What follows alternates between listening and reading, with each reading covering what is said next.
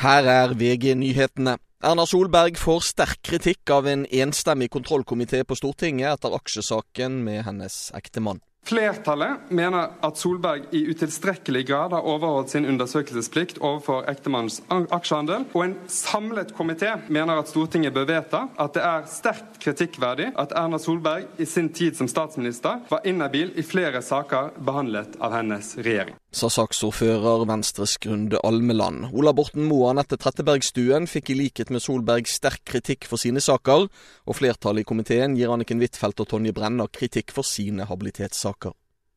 Aleksej Navalnyj vil gravlegges i Russlands hovedstad Moskva i en seremoni på fredag, melder Reuters, som siterer en støttespiller.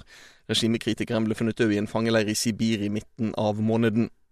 NRK-programmet Ingen elsker bamsegutt er felt i Pressens faglige utvalg.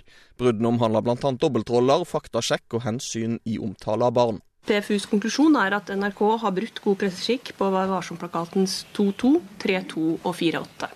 Sa Anne Veidar Aasen i PFU. Og prins Harry har tapt saken om retten til sikkerhetsvakter på statens regning når han oppholder seg i Storbritannia, det melder BBC. Prinsen fikk redusert sitt sikkerhetsopplegg da han flyttet til USA og trakk seg fra sine kongelige plikter. I studio nå, Thomas Alsaker. Nyhetene får du alltid på VG.